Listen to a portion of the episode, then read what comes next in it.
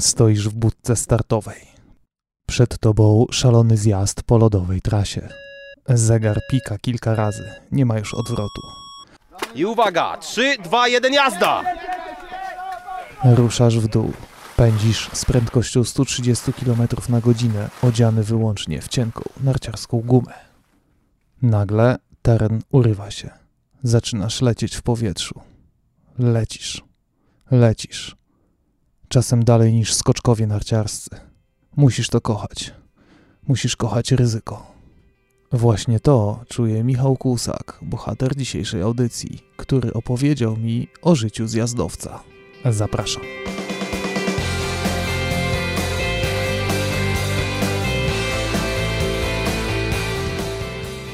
Dzień dobry Państwu. Ja się nazywam Michał Szypliński, magazyn NTN No and More. A dzisiaj moim i Państwa gościem nasz e, olimpijczyk Michał Kłusak. Witam serdecznie. E, Cieszę się, że mimo wczesnej pory całkiem spore grono przyszło na naszą rozmowę. E, To poranne wstawanie to jest też domena narciarzy. Michale, ty, ty się przyzwyczaiłeś już do, do tego porannego wstawania, czy mimo tylu lat na śniegu to jest jakiś problem? Nie, mimo tylu lat na śniegu nie przyzwyczaiłem się i pewnie się nie przyzwyczaję. Lubię pospać, yy, także jeżeli to ma być piąta rano, to czwarta 45 wstaję, już jestem praktycznie gotowy, gotowy. Wszystko mam przygotowane dzień wcześniej, żeby, żeby właśnie jak najdłużej pospać. A wy pewnie jako sportowcy wjeżdżacie nawet przed pierwszą kolejką dostępną dla ogółu narciarzy i powiedz, jak wygląda taki trening, bo trenujesz, e, może nie wszyscy wiedzą, konkurencje szybkościowe, które nieco różnią się od, od konkurencji technicznych. Trudno jest zorganizować taki trening? E, Logistycznie e, bardzo ciężko, finansowo jeszcze ciężej, E, ale rzeczywiście jesteśmy dużo wcześniej. Kaunertal jest takim lodowcem, gdzie, gdzie właśnie na wiosnę już, już, już ze świtem się pojawiamy na, na, na stoku. Nie korzystamy z wyciągów, tylko korzystamy z, ze skuterów śnieżnych, także, także już tylko jak, jak, jak, jak staje się widno, to już, już jesteśmy na stoku, już bramki stoją i już zaczynamy trening. Także o siódmej czy po siódmej, jak się zjeżdżają turyści i inni zawodnicy, no to, no to my już kończymy. No tak, bo musicie mieć zamkniętą trasę, tam nie może się ktoś e, przypadkowy pojawić, prawda? Dokładnie, no, prędkości są spore, skoki też dosyć dalekie, także e, bezpieczeństwo przede wszystkim. No właśnie, prędkości spore, a dzisiaj jesteśmy na stoisku firmy Leki, mamy porozmawiać trochę o bezpieczeństwie.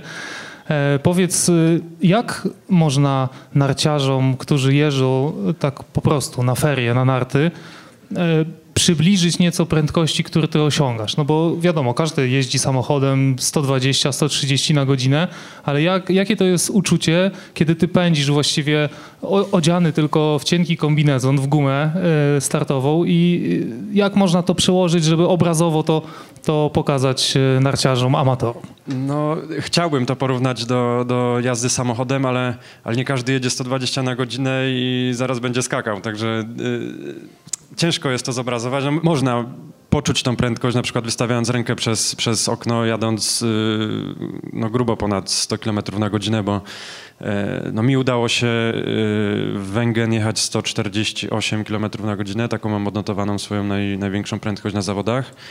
Najszybszy y, zawodnik y, kilka lat temu, bodajże 165 na godzinę, także no, nie ma żartów. Ma się tylko kask na głowie, kawałek y, ochraniacza na plecy, no i, cienki lateks, można powiedzieć, na sobie, no. Także niebezpiecznie. To teraz po zakończeniu kariery przez Jędrzeja Dobrowolskiego można powiedzieć, że jesteś najszybszym Polakiem startującym w oficjalnych zawodach. E, Nie wiem, jak udało mi się szybko jechać na treningach gdzieś tam, czy, czy po prostu na krechę, jak sobie, jak się przewietrzałem przed, przed, przed, przed e, zawodami, czy coś takiego. E, Ale na pewno to nie było około 240 km na godzinę, ale no ciężko powiedzieć. Może 180 się udało kiedyś, no. Mam nadzieję. A powiedz mi, e, rozumiem, że lubisz szybko jeździć, no bo inaczej nie trenowałbyś i nie startował w zjeździe i w supergigancie. A odczuwasz w ogóle czasem lęk? No nie ma co mówić, że nie. Bałem się przed, przed każdymi zawodami. Yy, Przed każdymi zawodami był stres, ale przekładając kije przez, przez bramkę startową już, już, już nie, ma, nie ma miejsca na to, żeby, żeby myśleć, myśleć w ogóle o strachu, o, o czymkolwiek. Musisz być skoncentrowany na, na 100%, bo, bo ryzykujesz życie. E, zaraz będziesz jechał ponad 100 na godzinę, będą skoki, siatki. E, no, musisz być skoncentrowany na tym, co masz wykonać, a nie na tym, co może się stać. Właśnie, bo niektórym y, wydaje się, oglądając tylko narciarstwo w telewizji, że tam jest miękki, biały śnieg i jak upadniesz, to, to nic ci się nie stanie. Powiedz, e, jakie mogą być konsekwencje upadku przy tak dużej prędkości? Trasa może wygląda pięknie, y, bo, bo, tak jest przygotowana, ale rzeczywiście jest to, jest to w większości lód, szczery lód, y, więc każde, nawet, nawet najmniejsza wywrotka kończy się porządnymi otarciami, y, a nie mówiąc już o jakichś zderzeniach styczkami, z siatkami, no bo to już jest, to już straszne przeciążenia działają na ciało, także, także różne rzeczy mogą, mogą się przytrafić, ale Yy, straciłem wątek, przepraszam. Pytanie już. Nie, no, rozmawiamy o, o właśnie takim aspekcie trochę e, psychologicznym tego. A jak powiedz, jak stoisz na starcie i e, zdarza się taka sytuacja, że kilku zawodników przed tobą upada, coś im się dzieje. Mieliśmy taką sytuację niedawno w Kitzbühel, jak trzech wybitnych Alpejczyków po prostu w jednym miejscu upadło i, i tam pozrywały się więzadła i poważne kontuzje e, się wydarzyły. Co wtedy myślisz na starcie? No, są to ciężkie momenty, no bo rzeczywiście, jeżeli e, wypadkom ulegają naprawdę najlepsi na świecie, no to już w głowie różne myśli się pojawiają, no ale tak jak mówię, no nie, nie można o tym myśleć, bo jeżeli myślisz o tym jadąc, jadąc z dużą prędkością, to, to nie skończy się to na pewno dobrze. Trzeba się odciąć jakoś od tego, czy postarać się odciąć od tego i, i zrobić, zrobić swoje ale no tak jak mówię, no, no, nie jest to takie łatwe i na pewno y, kilka razy jakoś wpłynęło to na pewno na, na moją jazdę, no bo naprawdę no, z, może z wiekiem, z, z doświadczeniem to, to, to, staje się coraz, coraz łatwiejsze, ale, ale na pewno jest to spory aspekt, który gra rolę.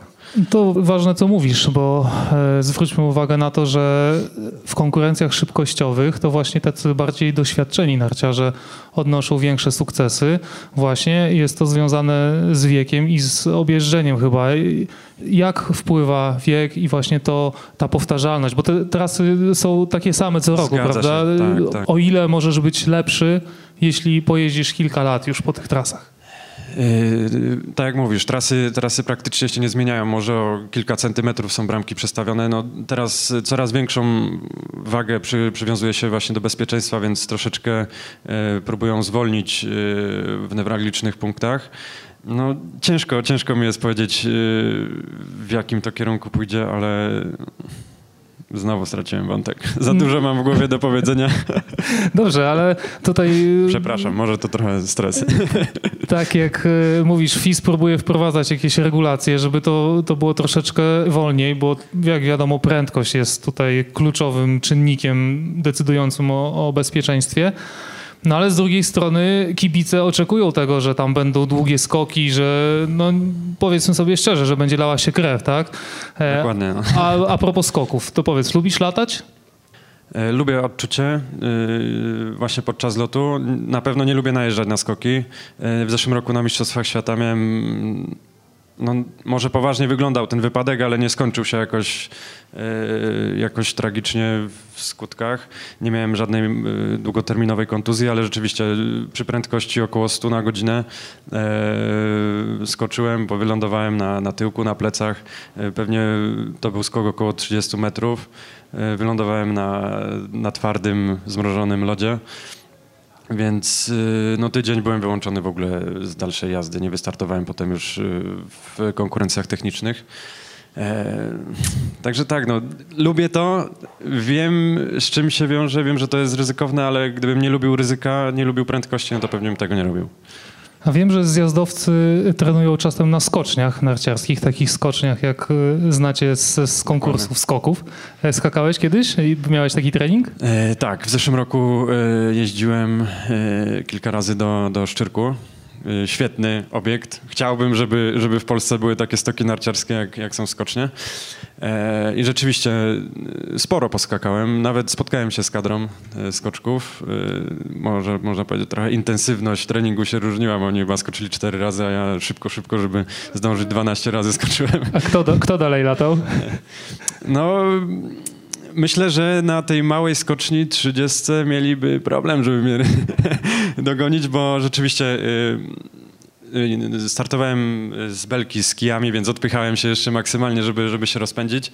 E, problem jest taki, że żeby, żeby przelecieć bólę, trzeba się jednak troszeczkę odbić, bo, bo skocznia jest tak wyprofilowana, że jeżeli tego nie zrobisz, no to, no to spadasz zaraz na bólę. Więc y, już potem ogarnęliśmy, że rzeczywiście no, trzeba się troszeczkę odbić, żeby poćwiczyć właśnie tą pozycję w locie. No, może to nie jest do, do końca dobre dla nas, bo, bo, bo nie, może, nie możemy da, daleko skakać, to jest strata czasu. Ale właśnie, żeby poćwiczyć tą pozycję, pozycję w, locie, no to, no to się odbijałem. Przejdźmy na chwilę do może igrzysk, bo to na pewno ważne wydarzenie w Twoim życiu. E, Jak w ogóle wrażenia twoje z imprezy? Mam, ja od, odniosłem takie wrażenie, że chyba pierwszy raz tak naprawdę zrobiło się o tobie głośno i, i myślę, że tacy ludzie też, e, którzy na co dzień nie żyją Pucharem Świata, mieli szansę cię poznać, co jest bardzo fajnym efektem tej imprezy. E, e, dokładnie, no troszeczkę tam można powiedzieć, że nie aspekt sportowy e, przeważył e, właśnie w tym, że, że, że zostałem jakoś tam rozpoznawalny i ludzie poznali moją historię. No, była to walka o igrzyska, wiadomo, igrzyska dla każdego sportowca myślę, że, że są marzeniem do spełnienia. Nie każdy zdobywa medale, E, Każdy by chciał zdobyć medal, ale, ale samo uczestnictwo, możliwość egzystowania z tą elitą, jesteś tam jednym z tych, którzy walczyli o to całe życie, żeby tam być. Bo walka o medale to już jest, to już jest walka na miejscu, ale właśnie walka o te igrzyska, e, to myślę, że to jest e, coś naprawdę ekscytującego i, i spełnienie marzeń. Także, także mega, mega impreza, mega przeżycie, rozpoczęcie właśnie na, na stadionie, coś niesamowitego. Po raz pierwszy miałem okazję być tam, a nie oglądać w telewizji i zastanawiać się, jak to jest, co oni czują i jak to wygląda. A powiedz mi, oglądałeś film Sztrajf? Mm, Muszę powiedzieć, że nie. Nie oglądałeś. Tam Nie. jest duży wątek y, Białorusina, Danilo Czkina, No, Znam. Tak. Znam go p- prywatnie, także. Który tak, y, ja gdy oglądałem ten film, to myślałem trochę o tobie, bo on tam, y, może nie aż tak, y, jest to, jest to trochę przekoloryzowane, ale on śpi w samochodzie, tam mama mu ustawia tyczki, e, ale spoglądając na twoją historię, to ty też nie jesteś takim e, wielkim e, koncernem, można powiedzieć, tylko twój team jest mały, rodzinny, wy musicie zmagać się z wieloma problemami. Powiedz, jak, jak wygląda taki twój wyjazd na, na start? Ty masz wszystko zapewnione od A do Z, czy, czy musicie troszeczkę tam bardziej popracować? E, Ja to nazywam partyzantką, także tak, tak to mogę podsumować. E, No rzeczywiście, najlepsze teamy w zjeździe, można powiedzieć, że to jest Formuła 1. To, to nie są pojedynczy ludzie, którzy, którzy zajmują się tym hobbystycznie, tylko żyją tym. E, Taka ciekawostka, w kadrze Norwegów jest człowiek odpowiedzialny tylko za to, żeby mieć nagrane trasy zjazdów, tak jak mówiliśmy wcześniej. One się nie zmieniają praktycznie wcale. On zajmuje się tym, żeby analizować linie, sprawdzać, gdzie kto jak przyspieszył i, i jaką linię odebra- e, e, obrać, żeby, żeby być najszybszym. Także każdy szczegół ma znaczenie, od nart y, po, po kombinezony, kije, wszystko musi być aerodynamiczne, sprawdzone y, właśnie w, w, w, na, na testach aerodynamicznych. Y, Narty są przygotowywane przez najlepszych na świecie, przetestowane setki razy, smary tak samo. Śnieg w, w miejscowościach też, też jest inny, więc, więc to też mają sprawdzone. Pewnie nie opierałem się tam o jakieś, o jakieś notatki, tylko pewnie już o książki, które, które piszą, można powiedzieć, w trakcie swojej pracy y, właśnie przy zjazdach. Mm, Także no, wracając do tego, jak ja jeździłem, no to, no to można powiedzieć, że, że to był rodzinny team, który próbował gdzieś tam pukać cały czas do tej czołówki i ale co jest, co jest dla mnie... Co, przyjeżdżasz sobie i rozstawiasz stół, ostrzysz narty, No dokładnie, no tak? ta, ta, tak to wyglądało, ale mogę powiedzieć, jak to wyglądało na stoku. No, mam tatę, który y, nie boi się kontaktu z ludźmi, nie boi się powie, powiedzieć trenero, trenerowi norweskiemu, że y, co trenujecie jutro, bo ja mam tu chłopaków, którzy by utarli nosa tam twoim. I tak, tak było w zeszłym roku właśnie w Pitstal, gdzie, gdzie przyjechał późniejszy mistrz olimpijski Swindal y, razem ze swoim kolegą właśnie z teamu. No i właśnie mówią, że chcieliby potrenować zjazd i zamykają jutro kilka tras, no bo wiadomo, no przyjeżdża Swindal, nikt nie będzie mu przeszkadzał w treningu. No ale tata się zapytał, czy, czy, czy, czy możemy dołączyć. A ten trener się pyta, czy, czy chłopaki dadzą sobie radę? No dadzą sobie radę, a czy, bo będziemy jeździć na czas, no to będą walczyć? No będą. No i potem się okazało, że rzeczywiście, no na treningach gdzie może presja jest troszeczkę mniejsza, sprzęt może nie jest aż tak przygotowany perfekcyjnie, e, można ze Swindalem przegrać niewiele. Czyli komuś utarliście tam nosa? E, no, nie lubię się chwalić, ale na treningach udało mi się y, kilka razy różnym, różnym dobrym zawodnikom utrzeć nosa. Ale tak jak mówię, no, trening a zawody to jest zupełnie inna bajka i pewnie dla mnie jest to ogromna przyjemność, ale rzeczywiście patrząc na wyniki sportowe, no to, no to, no to potem właśnie te, te, te niuanse, których, których mi brakuje, na przykład treningu w Chile, na który nigdy nie miałem pieniędzy, e, to, że nie mam serwismena, tylko sam sobie robię narty, no każda rzecz pewnie e, odgrywa jakąś rolę, która, która właśnie później właśnie na, na zawodach ma znaczenie. No ale to jest, widzisz, ciekawy wątek, e, o którym wspomniałeś, bo tak jak rozmawiałem z Maryną Gąsienicą, Daniel, jak rozmawiałem z Dagmarą Krzyżyńską, to to dziewczyny mówią to samo co ty, że na treningu bez problemu są w stanie, tutaj zresztą patrząc na czasy, no Maryna je, może jeździć 15, 16 miejsce, przychodzą zawody, jest jakaś blokada, coś się dzieje, czy nie wiem, pracowałeś kiedyś z psychologiem sportu, czy, e, czy tego myślę, ci brakuje? Myślisz, myślę, że to siedzi w głowie wszystko? Pracowałem trochę, ale pewnie za mało. Ale no wiadomo, no też y, jak się chce, to tłumaczenie zawsze się znajdzie, no, że tu nie ma pieniędzy, że czasu, że tego, tamtego. Y, rzeczywiście na pewno ważna jest praca z psychologiem. Pewnie w moim przypadku trochę zabrakło tej pracy, e, ale tak jak mówię, różnych rzeczy by się chciało, na nie wszystkie ma się możliwość i myślę, że i tak zrobiłem wszystko, co mogłem, żeby, żeby, żeby być tu, gdzie jestem i, i, i, osiągać takie wyniki, jak, jak mogłem. Myślę, że tak jak mówię, no, partyzantka totalna, ale ile się dało, to, to, to staraliśmy się robić. A wracając do tego, że na treningach, no ciężko też powiedzieć, no może to jest, wynika to z tego, że, że ciężej nam jest dostać się do tej czołówki i cały czas musimy jakoś kombinować i, i, i spala nas jakoś presja właśnie y, tych, tych poważnych zawodów. No nie wiem, no ciężko powiedzieć. W, wiesz, jakie oczekiwania są w Polsce, jak głodni sukcesu są kibice. No tak, no wiadomo, no oczekiwania. Ja sam mam wobec siebie spore oczekiwania, ale, ale czasami właśnie to przerasta.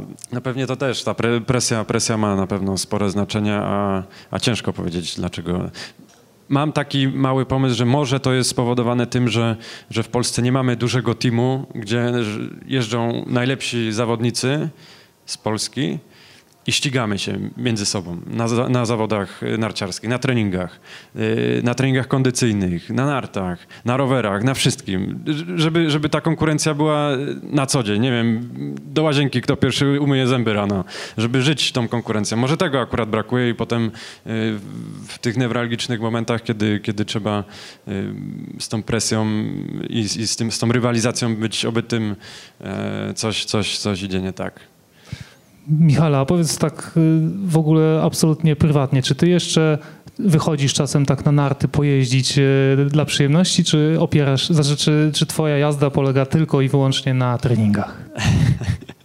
E, rzeczywiście, kilka razy mi się zdarzy gdzieś tam jakiś freeride, coś przejechać. No, na bramkach nie jeżdżę sobie tak, o, bo, bo, mi się, znaczy no, podoba mi się to, ale, ale nie robię tego y, tak na co dzień, żeby o, dla fanu. Znaczy, znowu się wkopałem. No robię to dla fanu, ale, ale nie, nie tak, że weekendowo. E, ale rzeczywiście, no lubię trochę freeride, trochę coś tam, jakieś skitury, kilka razy mi się zdarzyło, także, także no, narty to moje życie, także no, co, co będę mówił, no, że na siłę jeżdżę. No to mam nadzieję, że będzie Ci to sprawiało nadal przyjemność. E, ostatnie pytanie z mojej strony, bo mam nadzieję, że jeszcze tutaj jakiś głos z publiczności e, będzie. Powiedz, jakbyś chciał tak doradzić właśnie narciarzom, którzy jeżdżą sobie na ferie, e, żeby zadbali bardziej o swoje bezpieczeństwo, jakie elementy wyposażenia takie podstawowe powinno się zabrać na wyjazd na narty?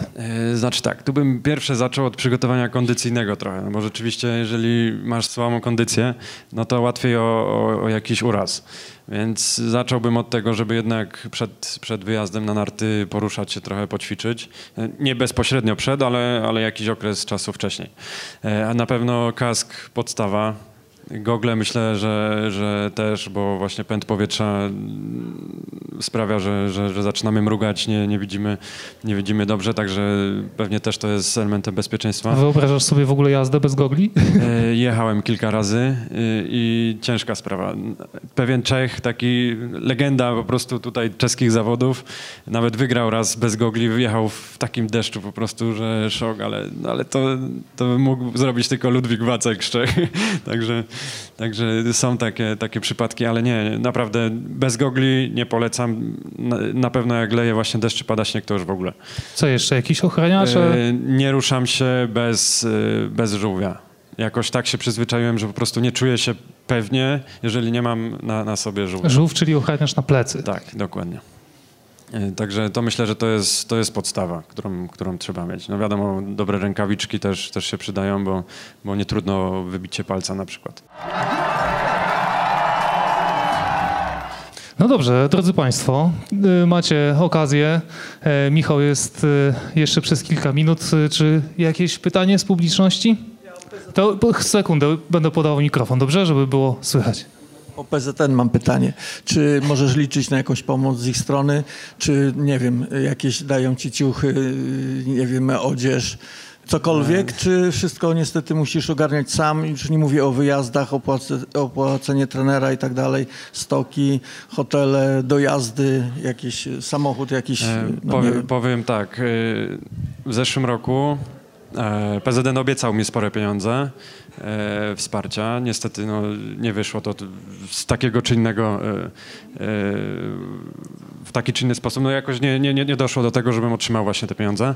E, więc cały sezon opierał się o budżet e, moich rodziców, jakichś małych sponsorów, których pozyskałem, klubu i trochę Tatrzańskiego Związku Narciarskiego. I, więc można powiedzieć, że i tak wykonałem jakiś plan minimum, żeby, żeby się przygotować, przygotować do sezonu. Także wszystko i y, nie mówimy tu o hotelach, bo, bo nie stać było nas na to, żeby mieszkać w hotelach. Mieszkaliśmy w apartamentach, sam gotowałem, y, sam robiłem z nartami. Y, udało się zrobić naprawdę wartościowe treningi, ale myślę, że to było właśnie też sporo szczęścia i, i szczęścia w tym, że byliśmy tam, gdzie, gdzie byliśmy i w tym, że poznaliśmy ludzi e, naprawdę wartościowych i którzy, którzy chcieli nam też pomóc. Ile pan miał, jak zaczął pan tak profesjonalnie jeździć? Profesjonalnie ciężko powiedzieć, ale e, już zacząłem jeździć na nartach, można powiedzieć, zacząłem. Tata woził mnie e, w nosidełkach na plecach e, na nartach, także, także już tak się zaczęło. Potem, potem widziałem zdjęcia, e, kiedy jeździłem już na nartach na smyczce takiej rozwijanej, jak, jak wyprowadza się psa. E, także to już był jakiś kontakt. E, potem jakieś zawody koziołka matołka, także po kolei schód po schodzie, e, aż w końcu myślę, że jak poszedłem do, do gimnazjum sportowego, zacząłem poważniej myśleć o tym, o tym że, że jednak chcę być narciarzem, chcę, chcę się ścigać. Także myślę, że to było naście lat, może 14, 15. Szanowni Państwo, czas nas bardzo goni. Ostatnie pytanie, proszę, z sali. Kto jeszcze chętny? E, czy jak e, zdarza ci się trenować z jakąś inną ekipą, tak jak opowiadałeś tutaj, że tam e, z z Norwegami. E, Czy jest jakaś taka między wami nić porozumienia? E, Możecie się wymienić poglądami, pomocą. Wiem, jak Maryna rok temu e, opowiadała, to, no, to dziewczyny trochę tam pomagają, coś tam doradzą.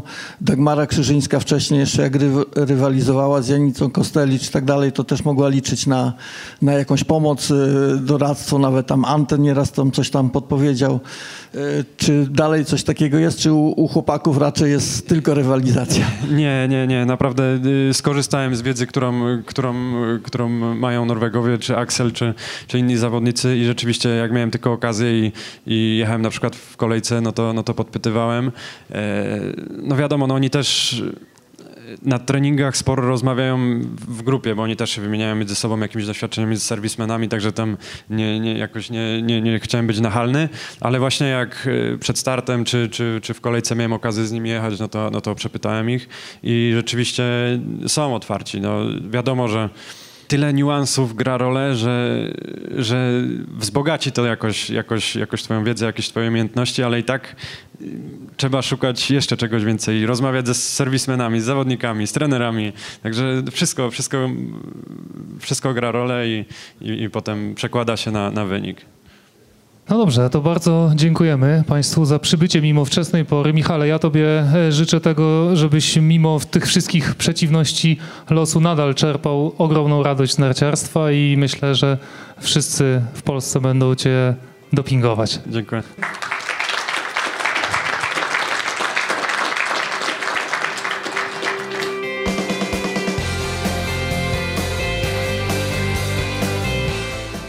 Aby nie przegapić żadnej audycji, zasubskrybuj podcast w swoim telefonie. Jeśli chcesz się dowiedzieć, jak to zrobić, wejdź na stronę www.stacjanarciarska.pl. Do usłyszenia!